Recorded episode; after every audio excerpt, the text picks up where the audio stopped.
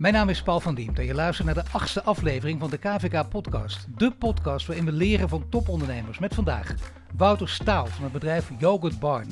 Het bedrijf sloot in maart vanwege corona als eerste de 13 vestigingen. Hoe blijft Yogurt Barn innoveren in tijden van crisis nu de deuren gesloten zijn? Dat horen we straks. En je omzet zien verdampen als gevolg van de crisis, maar toch het overnamepad opgaan.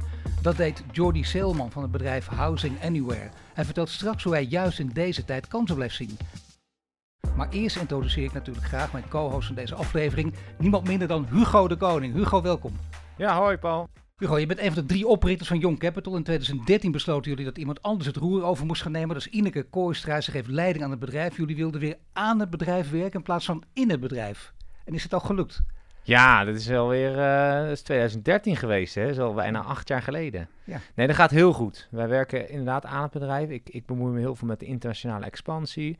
Mijn compagnon zit met name op de, de, techniek en de innovatie. En we hebben eigenlijk geen mensen meer die we direct aansturen. Dat doet Ineke en haar team uh, veel beter dan dat wij dat uh, ooit hebben dus gedaan. Dus compagnon van jou zeg je, die doet uh, innovatie. Daar weet je ook een en ander van. Dat is mm -hmm. belangrijk voor jullie. Voor elk bedrijf natuurlijk ook constant innoveren. Jullie hebben een nieuwe innovatie, dat is Young Ones. Klopt. En wat, wat houdt het precies in? Young Ones is een bedrijf... Ehm, wat je ziet in, in, in flexibel werken is dat eigenlijk het platformwerken en het, op een marktplaats uh, vraag en aanbod bij elkaar brengen, zoals bijvoorbeeld Uber dat doet in de taxiwereld. Dat zie je ook uh, op flexibele arbeid ontstaan. Dat zie je in de bezorgmarkt bijvoorbeeld. Maar er zijn heel veel jonge mensen die willen gewoon eigenlijk wakker worden, een schuif aanzetten en denken: hé, hey, wat ga ik vandaag eens doen? Welke klus kan ik pakken om even 100 euro te verdienen? En eigenlijk is Young Ones een platform waar jongeren, we hebben nu 80.000 freelancers erop ingeschreven. En eigenlijk kunnen die freelancers, die, die zijn een soort skilled om bepaalde klussen te pakken. Um, en dat zijn geen uitzendkrachten, dat zijn dus eigenlijk ondernemers. En uh, ja, dat is wel een heel groot succes uh, binnen ons bedrijf. Ja, ook. toch doet het me wel ergens aan denken. Namelijk iets wat jullie zelf ook al doen. Uh, je bent misschien jezelf het cannibaliseren op deze manier. Ja, zeker. Ja, ja.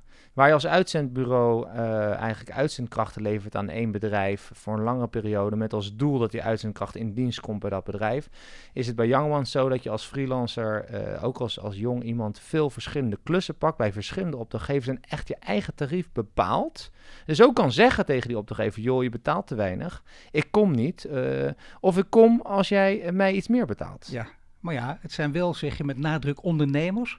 En dat heeft dan weer te maken met de commissie Borslap en de Flexwet. En ja. de Flex dat aan banden wordt gelegd door Wouter Koolmees. Ja, ja, ja, ja, ja, ja. Dus het is erg gereguleerd. Het bizarre ja. is dat de politiek wil dat uh, ja, mensen zo lang mogelijk ergens werken en zo snel mogelijk een vast contract krijgen. Maar de jongeren willen gewoon vrijheid in hun keuze voor wie ze werken, wat ze doen, verschillende dingen doen. Geen lifetime employability, maar uh, ja, veel meer op, op, op, zelf bepalen en die flexibiliteit hebben. En dat, dat is interessant, ja. Oké, Hugo, jij bent mijn co-host vandaag en jij gaat ons uh, scherp houden en ook ondernemers op lessen die we kunnen leren. En dan gaan we nu praten met uh, mijn gast Wouter Staal van Yogurt Barn. Nou, Wouter, je bent de CEO van Yogurt Barn. In maart sloot je als eerste de deuren van 13 vestigingen. Ja. toch, sindsdien heb je alles behalve stilgezeten. Wat heb je precies gedaan dan? Ja, ik word heel onrustig als ik niks meer kan doen. Dus dan ga je nieuwe dingen verzinnen. En uh, dan ga je, als je ineens je operatie waar je dagelijks mee bezig bent sluit... Uh, of wordt gesloten, dan moet je gaan nadenken van... Oh, wat wilde ik eigenlijk allemaal aan gaan doen en waar heb ik dan nu tijd voor? Want dan gaan we dat nu doen. En eigenlijk zijn al die plannen naar voren getrokken... en hebben we drie jaar ingehaald in, ja, in een paar maanden. Zo, Ondanks dat, of, dankzij de vestigingen die dichtgingen. Ik zou bijna zeggen, dat moeten ze vaker doen, want dan kom je op nou, ideeën. Soms is het wel even goed om uh, pas op de plaats te maken en echt die helikopter, uh, dat, dat overzicht te hebben. En dat hebben we ten volste gedaan. En we hadden natuurlijk heel veel mensen, ook onder contract, ja, die, die zaten uit hun, letterlijk uit hun neus te vreten. Want ja, die, die barns zijn wel een keer schoon. En het likje verf is wel, na één keer ook wel goed. Uh, dus ja, wat ga je dan nog doen? Ja, laat ze maar lekker uitvoeren. Want het zijn allemaal jonge, jonge meiden bij ons, allemaal 25, 26, uh, die dan zo'n team aansturen. Uh, maar die hebben ook allerlei andere achtergronden in communicatie, psychologie of in talen. Ja, dat kunnen we inzetten, dus dat hebben we gedaan. Ja, dat is al heel slim. Daar wil ik zo meteen echt meer van weten. Maar eerst nog eventjes het aantal mensen. Ik heb getallen, als er werkten rond de 200 mensen bij jullie. En nu nog 175. Ja, we, voor corona zaten we ongeveer op 240. En nu nog, uh, we hebben 175 kerstpakketten rondgebracht. Dus dat is nu ongeveer het aantal. Ja. Ja, en dan heb je ook als aandeelhouder, althans eh, onderdeel is de aandeelhouder van Rabobank. Dat is toch weer wat anders dan werken met, eh, met die eh, angel-investeerders. Hè? Dat- Ja, er is zeker. iets minder emotie in. Er zit minder emotie in. Als ik als, eh, met mijn eigen geld ergens anders, eh, hè, dan wil ik me er meer mee bemoeien. En wil ik, als het verkeerd gaat, toch mijn eigen lessen er, eruit halen en liever op die stoel gaan zitten. Want ik heb het al een keer eerder gedaan. Ehm, en dat kan zeker ook goed uitpakken, maar eh we hebben nu gewoon strategische rust. Dat is wel fijn. Kun je iets vertellen over jouw bedrijf? Want dat is natuurlijk een, een leuke ontstaansgeschiedenis ook. Hè? Je hebt het samen met je vrouw opgericht. Die hadden Ja. zelf ook beide een, een mooie baan waar je carrière in zou kunnen maken. Heb je opgegeven. Ja. Ja, dat is het risico van ondernemen en dat kan valikant misgaan. Ehm, maar ja, Esther was fysiotherapeut en eh, ik was marketingdirecteur bij Philips. Eh, fantastische banen, want fysiotherapeut, daar studeer je voor en daar blijf je in. Eh, en ja, bij Philips is het ook een gouden kooi, zeggen ze wel. En dan ga je ineens ondernemen. Maar ja, op vakantie kwam je, een, kwam je iets tegen en ja, dat laat je dan niet meer los. Dus zo is het gegaan. Ja, maar het is letterlijk zo'n moment. eh, want Ja. Philips, dat is inderdaad geen slecht bedrijf om voor te werken natuurlijk. Nee, nee. En dan denk je, wacht even, ik zie iets. Maar wat, wat zag je en waar? Eh, ja, het was de volledige beleving. Het was, eh, we waren in Sevilla eh, eind 2011. Eh, in november Het was echt nog 25 graden, lekker weer. En op elke hoek van de straat zagen we daar frozen yoghurt tentjes. Felle kleurtjes, heel klein. een beetje als deze studio, 20, 25 vierkante meter. maar rijen tot buiten en iedereen nam daar een gezond ijsje. Had ik nog nooit van gehoord. En eh, met de link naar yoghurt. En wij hebben de avond daarna tegen elkaar gezegd van... jeetje, wat, eh, zou je hier je baan voor opzeggen? Eh, Toen liepen we op de Grande Via met de kinderwagen, want ons, ons dochtertje was zes maanden. en toen was... Ja, gaan we doen. En de Nederlander eet de meeste yoghurt ter wereld. En gezond associatie, dat is echt de toekomst. En toen hadden we nog helemaal niet over plantaardig. We wisten niet eens wat het was. We, kochten, we, we kookten met knorpakketten. Eh, we hadden helemaal niks met horeca. We hadden geen idee. Maar eh, gewoon, dit is een idee. Dit is er niet. Hier gaan we wat mee doen. Ja, dat is een gouden idee. Heel dichtbij je trouwens. Hè? Dat is ook wel interessant, vind je niet Hugo? Want dat hoor je wel vaak van ondernemers. Hè? Komen ze heel ver, vaag komen ze op iets. Of ondernemers die, waar, waarbij het inslaat en het, waarbij het heel dichtbij staat. Nou, Is- ik vind het wel eh, knap hoor, Wouter, dat jij eh, met je vrouw zelfs een bedrijf begint. Ja, Gaat dat, dat echt, ook, eh, ja. hebben jullie rollen heel goed verdeeld? Ja, zeker. nou, het gaat over de kinderen en alles wat daarbij hoort. Of over yoghurt. Eh, Ja. dat, is, dat is thuis. Eh, en dat hebben we ook wel beter kunnen verdelen naarmate het, het meer richting scale-up gaat en je dingen kan delegeren. Maar zeker die eerste jaren. Want we hebben na oprichting eerste locatie eh, was Esther zwanger van de tweede. Eh, nee, dan, dan zit je echt in zo'n malle molen van meerdere kinderen. Eh, niet alleen letterlijk van vlees en bloed, maar ook je, je eigen Ja, kind, je eigen bedrijf. En dan ga je een tweede vestiging openen. Die eerste drie jaar waren hel. Dat was echt even bikkelen. Maar dat, dat kun je alleen samen doen, is mijn overtuiging. Want anders kom je thuis en heb je totaal geen klankbord. Eh, je hebt geen idee van elkaar wat je aan het doen bent. Eh, voor het eerst had Esther toen zoiets, oh daarom zit je op LinkedIn. Ah, daar hebben we nu profijt van. In plaats van alle onzin met Philips en links leggen en, en voor een werkgever iets regelen. Ja. En doe het voor jezelf. En dat, eh, dat besef is echt heel fijn. Ja, dat is wel helemaal herkenbaar toch, Hugo? hè? Ja, dat ja, je het voor ja. jezelf doet. Nou ja, ik, eh, ja nee, absoluut. Ja. Hey, en, en want ik kan me voorstellen, jouw winkels gingen dicht, jouw omzet stort gewoon in. Je, je hebt dan nu nog wel eens je soort bezorging, denk ik. eh. Ja. Maar hoeveel is er nog overgebleven van eh, je omzet? Vorig jaar hebben we min 55% geschreven. En als ik het vergelijk met, met collega-ondernemers is het nog best wel oké. We hebben Q3 ontzettend goed gedraaid. Toen, je Eh, open, toen ja, alles weer open ging. Toen ging het... We dachten allemaal eind mei, oh, nu gaat het los, 1 juni. Toen viel het heel erg tegen. Dat ging heel langzaam. Maar op een gegeven moment zaten we op 120%. Lijk voor lijk eh, met, met het jaar daarvoor, dezelfde periode. Eh, toen werd het heel heet, toen werd het wat minder. Want ja, men gaat dan meer naar het strand. Maar we hebben Q3 goed gedraaid. En eh, we zien ook nu met afhaal en de optimalisatie in een Deliveroo en een, en een thuisbezorg... dat je daar veel meer uit kan halen. We hebben, dat is ook zo'n projectje wat we hebben opgezet. In een week tijd hadden we een, een eigen bestelplatform. Dat, dat was ook zo'n dingetje, dat moeten we een keer doen. En dan nu, daar zou je Komt maanden in over versnelling, doen, ja. ja. En nu in een week was het live. Je hebt jezelf wel eens een merkenbouwer genoemd in de Ja. stukken die ik over jou gelezen heb. Dus je denkt aan meer zaken, je hebt al iets genoemd. Maar uiteraard, bij, zoals bij veel bedrijven, kan je, bij jou ook klimaat niet ontbreken. Klimaat speelt ook een rol. Je hebt een plan met klimaat, daar moet je iets over vertellen. Ja, nee, wij hadden in januari, eh, dat was eigenlijk een jaar geleden, toen was ook Davos. En toen las ik een persbericht van Starbucks en die, die dat was zo vaag dat ik denk, waarom stuur je dat persbericht uit? Dat ging over, heel misschien ga ik mogelijk, mm, waarschijnlijk volgend jaar, maar misschien ook daarna, ga ik in 2030 CO2 besparen. En toen dacht ik, wacht even, die moet ik nog twee keer lezen. En omdat het zo vaag was, ben ik me erin gaan verdiepen. Wat is CO2? Ik had geen idee. En bij ons was duurzaamheid altijd al uh, een van de basispilaren van ons DNA. 100% vegetarisch, alles wat van dieren komt biologisch en LED en groene energie en zo. Maar het had geen naampje, geen overkoepelende strategie.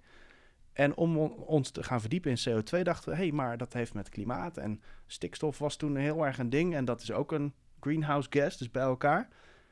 Wacht even, wij als bedrijf en als persoon stoten ook broeikasgassen uit.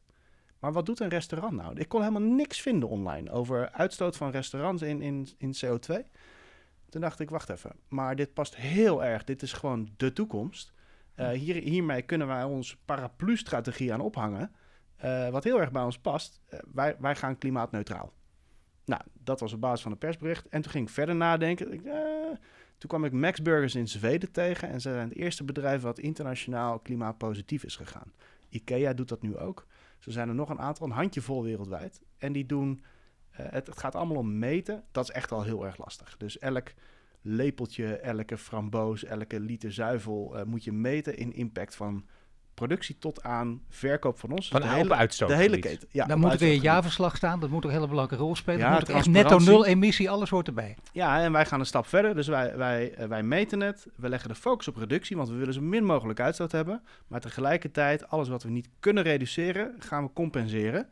Uh, door CO2-certificaten met bomenplanten, want dat past qua natuurgoed bij ons. En dat doen we met 110%, waardoor je een positief effect hebt. En daarmee is dus elke gast die bij ons iets koopt, die heeft niet alleen een goed gevoel voor zichzelf, want het is lekker en gezond. Maar ook, we doen iets anders voor andere mensen, voor de planeet. En je bent dus positief bezig. Ja, wel mooi dat je zegt, het, de paraplu-strategie, maar het moet er wel inpassen. Je kunt wel gaan innoveren en hele, hele wezensvreemde dingen gaan doen. Maar dit past natuurlijk heel goed. Ja. Uh, gezond voedsel, uh, goed klimaat, dat is, dat is bijna één op één.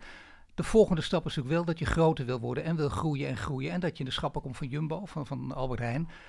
Ja, en dan wordt het toch lastiger natuurlijk. Hè? Want wie heeft dan de regie?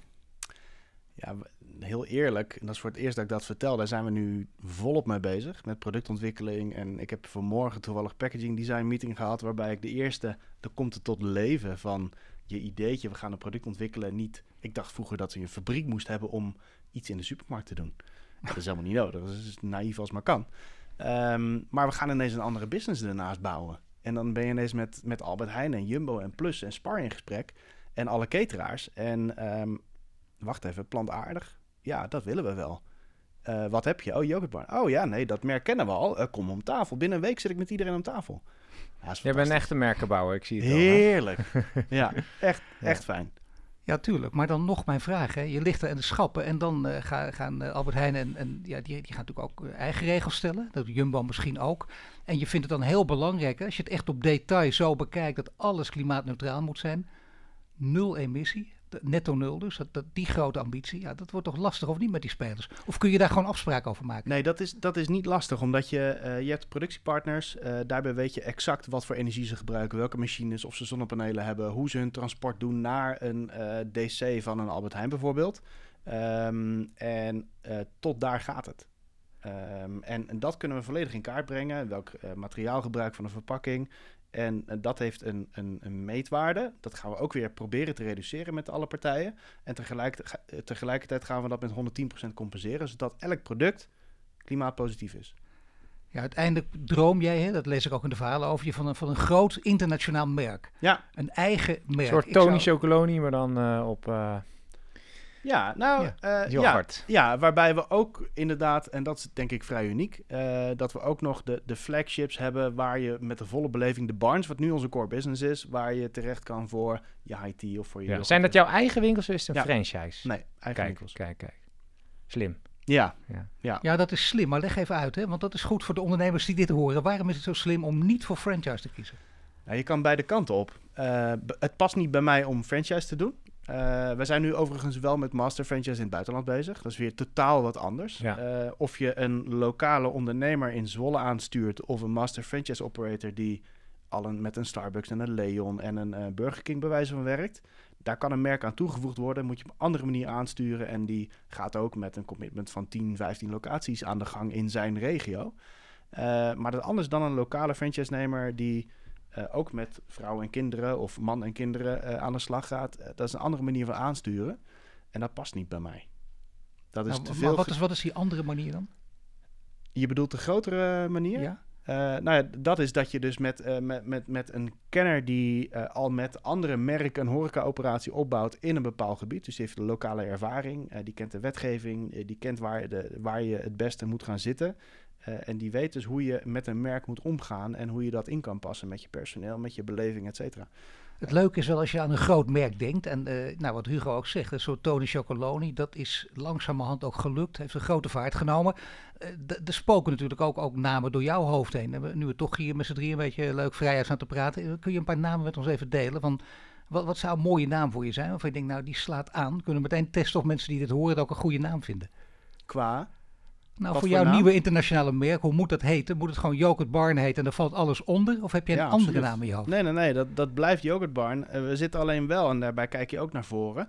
Eh, je hebt amendement 171 over hoe Oh, mogen, ja, over Europese Commissie en wat zij bepalen aan mag je wel of niet zuivelnamen gebruiken voor een plantaardige variant. Eh, ik vind dat het echt iets voor de consument is, maar het heeft wel een risico voor onze merknaam, omdat wij yoghurtbarn heten. En stel wij zouden plantaardige producten lanceren onder de naam yoghurtbarn, is dat volgens die wetgeving verwarrend voor de consument. Dus wij zijn daar wel over aan nadenken. Moet dat niet iets anders worden, wat heel dicht bij yoghurtbarn ligt? Eh, daar zijn we nu ook wel mee bezig. Het aardige is, eh, tenminste als het niet waar is, corrigeer mij. Maar ik geloof dat jij ook zelf ondernemers eh, lessen af en toe geeft. Hè? Colleges geeft over hoe je moet ondernemen. Ja, vind ik heel leuk om te doen. Ehm, simpelweg omdat ik zelf weet welke fouten je kan maken. En eh, dat is heel eh, onschuldig hoor bij, eh, bij een hogere hotelschool of bij een has. Ehm, dat is van, joh, je, hebt, je bent een project aan het opzetten, je moet een eigen bedrijf doen. Waar ben ik tegen aangelopen en eh, wat moet je vooral wel en niet doen in mijn ogen? Maar dat is heel erg subjectief. Maar dat vinden de studenten natuurlijk leuk om te horen, denk ik. eh, wa- wat de fouten zijn die je zelf gemaakt hebt. Je hebt nu een mooi Ja. product ontwikkeld. Je bent met een wereldmerk bezig. Zo groot is het. En, en wat is echt een fout die je gemaakt hebt dan? Nou, ik geef altijd als tip dat je, ehm, dat had ik ook, ehm, je hebt een idee en dat durf je niet te delen, want je bent bang dat anderen dat gaan jatten. Eh, en ik heb altijd zoiets van, joh, deel het met anderen, want dan leer je heel veel andere invalshoeken mee te nemen in jouw ontwikkeling, eh, waardoor je eigenlijk alleen maar sterker wordt. En dat is altijd wat ik als nummertje 1 meegeef, van eh, deel het alsjeblieft, want jij bent het DNA van het bedrijf en daardoor, je bent de enige die het kan. Ja, weet je, het gekke is, dit, dit zeggen dus heel veel ondernemers. Hè? Dit schijnt ook, eh, ook een generatiekwestie te zijn. Is, is, dat, is dat jouw idee ook of niet? Ja, misschien wel, weet ik niet. Ja, het is ook een karaktereigenschap. Ik neem nooit een blad voor de mond. Ook als ik in dat soort presentaties, eh daar ben ik heel open over bruto marges en waar je op moet letten en niet. En ja, Ja, dat is, dat, is, dat is echt interessant. Dat heeft toch met een instelling te maken. Waarschijnlijk, jij denkt dat wel, Hugo, toch met generatie te maken. Mijn inschatting is dat toch ook wel. En, en met of je in, hoe creatief het vak is waar je in zit, dat kan ook zijn. Hoe, hoe sterk je je eigen baby je wil vasthouden. Maar in dit geval, nou ja, eh, hij duurt Ik gaf hem ook net, hè, deze tip. Toevallig, je hebt mijn podcast niet gehoord hiervoor, eh, Wouter. Nou, dat was ook mijn, precies mijn tip. Oh, ja, absoluut. En wat je ziet, kijk, je hebt natuurlijk, eh, vroeger had je een aantal hele grote ehm, mannen eigenlijk, die bepaalden alles en die, die konden ook wel iets pikken. Maar nu is het speelveld van ondernemen, het is zo, als je, als je, als je een website kan bouwen, dan kan je morgen de wereld veroveren. En ehm, ja, het, wordt, het is allemaal veel transparanter geworden, veel opener, komt uit Amerika overwaar. Dus ik sluit me helemaal aan bij jou. eh, ja gaat ook dat, dat wat je doet, dat kun je kopiëren. Maar als je dan naar de waarom eh, gaat, dan is dat toch eh, je intrinsieke motivatie. Dat is waarom wij dit doen en waarom je succesvol kan zijn. Ja. Eh, We hadden dan toch nog één vraag. Want we zijn Ja. er eigenlijk mee begonnen, dat wil ik nu ook al weten. Nu heb je dit verhaal verteld. eh, er wordt naar geluisterd. Ook door Esther, door je vrouw. Hè? Eh, Ja. Is ze het met alles eens wat je gezegd hebt, denk je? Eh, ze is altijd heel kritisch en daarom eh, is ze een goede aanvulling. Omdat ze, ik ben altijd van wat minder van de details en, en, en ik vind dit soort dingen leuk. En zij komt dan. Ik denk niet dat ze dit gaat luisteren, maar eh, dat is misschien ook maar goed ook. Eh, maar dan is het wel, ah, volgende keer moet je even dit en dit en hierop letten. Oost is de baas, ik hoor het al. Ja, tuurlijk. ja, Oké, nou, goede keuze, Wouter. Dankjewel. Wouter Staal van Jo.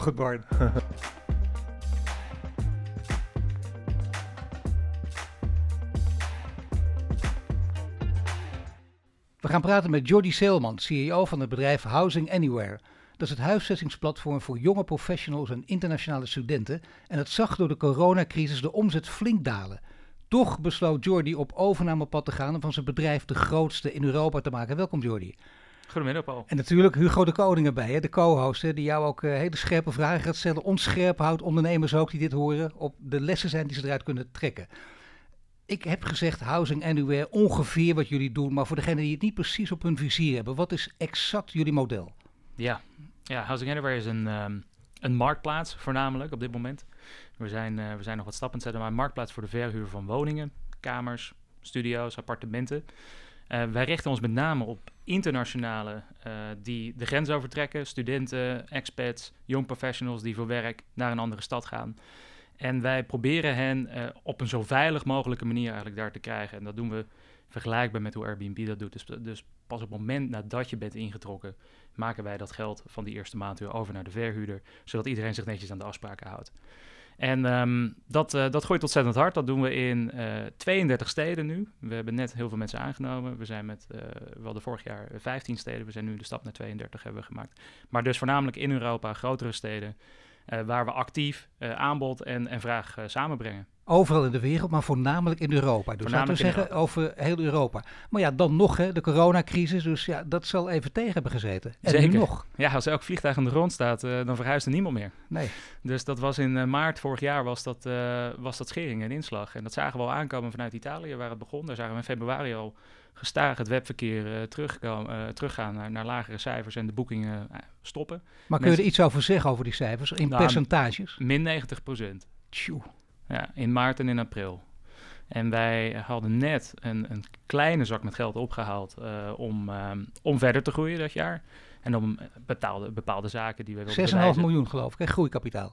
Uh, nou, in totaal dus 24 in de afgelopen 12 maanden. Maar op dat moment dus uh, een kleiner aantal inderdaad, ja. 6,5. Ja, nou ja, uh, toevallig, echt, echt, serieus toevallig. Um, het kwam wel heel goed uit. Ja, het kwam, het kwam goed uit. Het werd ons reddingsvlot. Maar dat was wel bedoeld om minimaal 12 maanden in te kunnen ronddobberen op die oceaan. En dat werd, dat werd snel een stuk korter. Um, dus we waren wel echt naastig op zoek naar, uh, ja, naar een extra geldschieters op dat moment. Om te kijken van, joh, hoe gaan we de boel uh, drijvende houden? Nou ja, het is natuurlijk wel onvoorstelbaar natuurlijk. Hè? De boel gaat plat en zo. We weten niet voor hoe lang en het duurt en het duurt. Maar ja. uh, ondertussen ook overheidssteun hebben jullie of niet? Ja, absoluut. Dus NOW-steun in de zomer, een, een corona-overbruggingslening met, met hulp van het Rijk. Dus eigenlijk ontzettend blij mee. Um, en tegelijkertijd zagen wij die boekingen ook weer terugkomen in de zomer. Dus je zag toch wel weer dat wij al in augustus en september al uh, 20, 30 procent aan het plussen waren ten opzichte van het jaar daarvoor. Wat heb je moeten doen uh, met je personeel? Heb je toch van een aantal mensen afscheid moeten nemen of niet? Uh, niet vanwege corona. We zijn natuurlijk altijd wel de organisatie aan het verbeteren, maar we hebben niet hoeven saneren.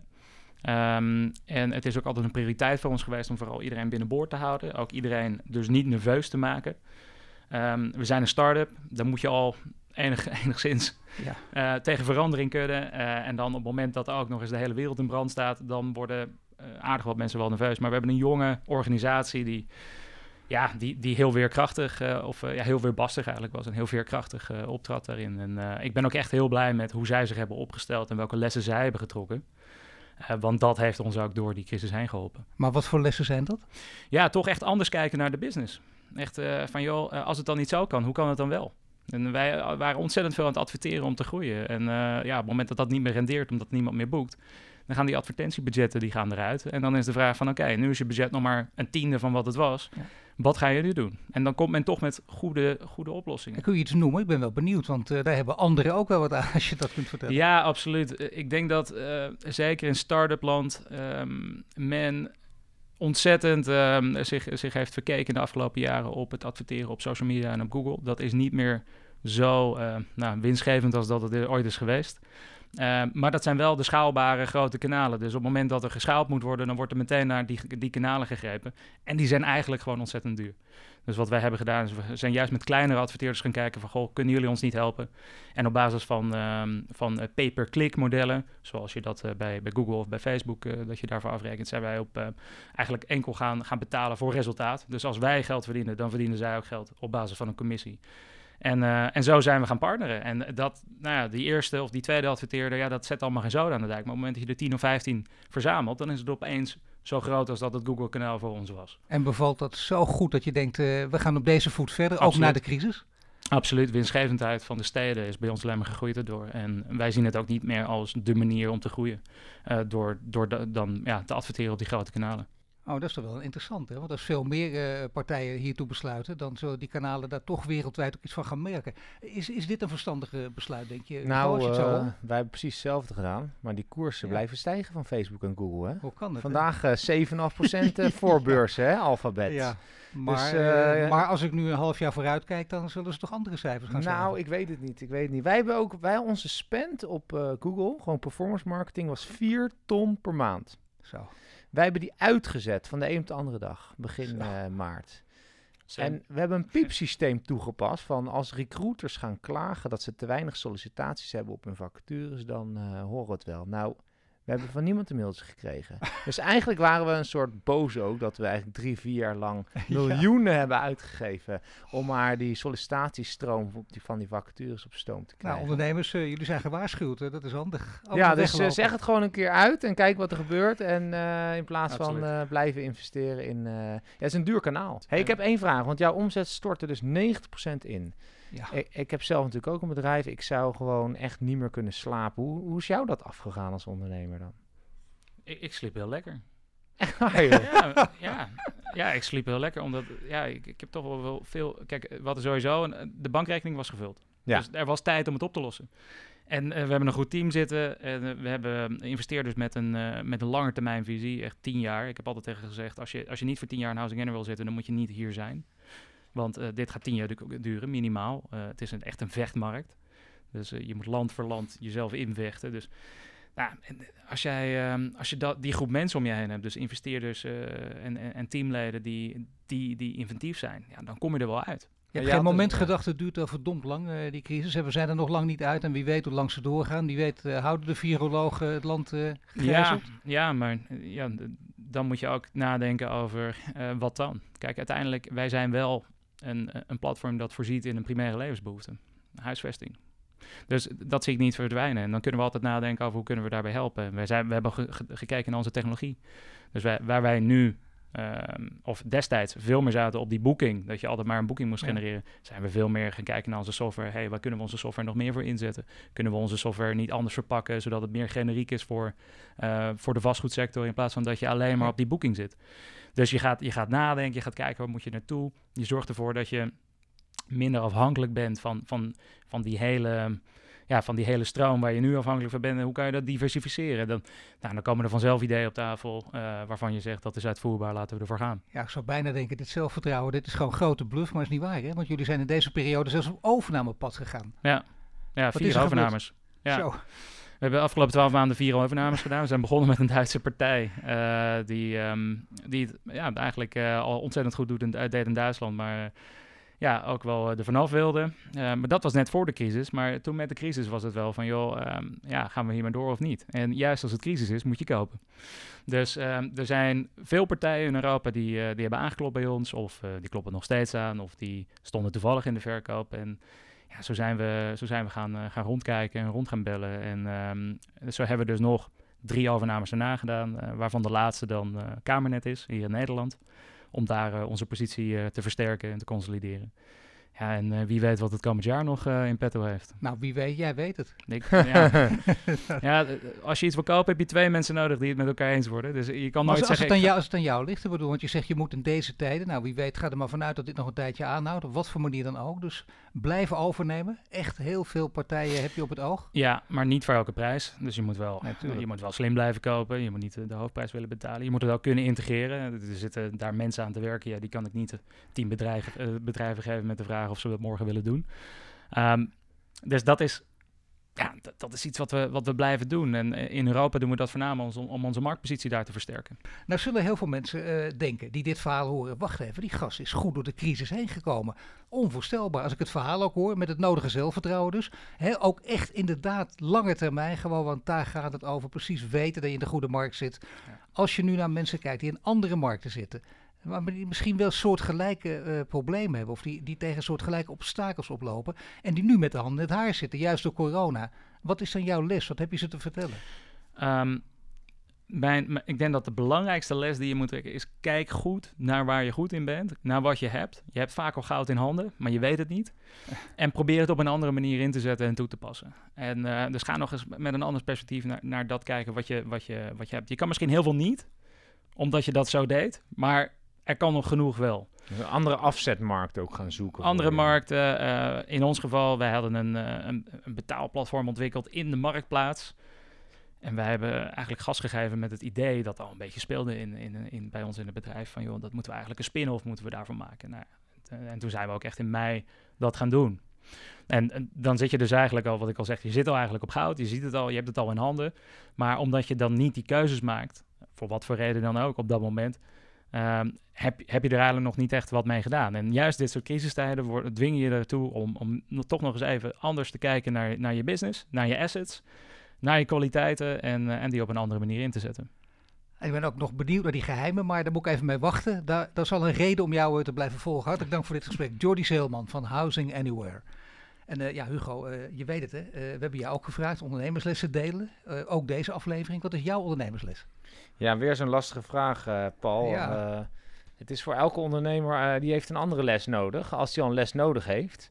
Nou, we hadden natuurlijk net gezegd dat het goed is om je ideeën als je start te delen met heel veel mensen en ze niet voor jezelf te houden, dus geen geheimen. Misschien een andere les. Um, je ziet tegenwoordig dat het al de basis is om geld op te gaan halen voordat je bent gestart. Uh, dat vind ik heel onverstandig. Ik zou eerst gewoon zelf proberen dat je wat van je ouders leent of je eigen geld erin steekt om iets te bouwen, dat je in ieder geval een product hebt. Beetje tractie en pas dan, als je geld gaat ophalen, gaat praten met investeerders. Want je verkoopt eigenlijk je aandelen veel te vroeg. Wat heb je eigenlijk gestaan? De kans op mislukken als het product al niet werkt en je haalt veel geld op, ja, is, uh, is erg groot. En ben je de rest van je leven ben je ongelukkig. Dus ik zou even wachten met het ophalen van geld. En eerst uh, proberen om het bedrijf uh, zelf aan de praat te krijgen. Dat klinkt als een hele wijze les. je wel, Hugo. En ook dank je wel dat je co-host wilde zijn. En dit was voorlopig dan alweer de laatste aflevering van de KVK podcast. En voor meer ondernemersverhalen abonneer je op de podcastkanalen van KVK. En voor nu bedankt voor het luisteren.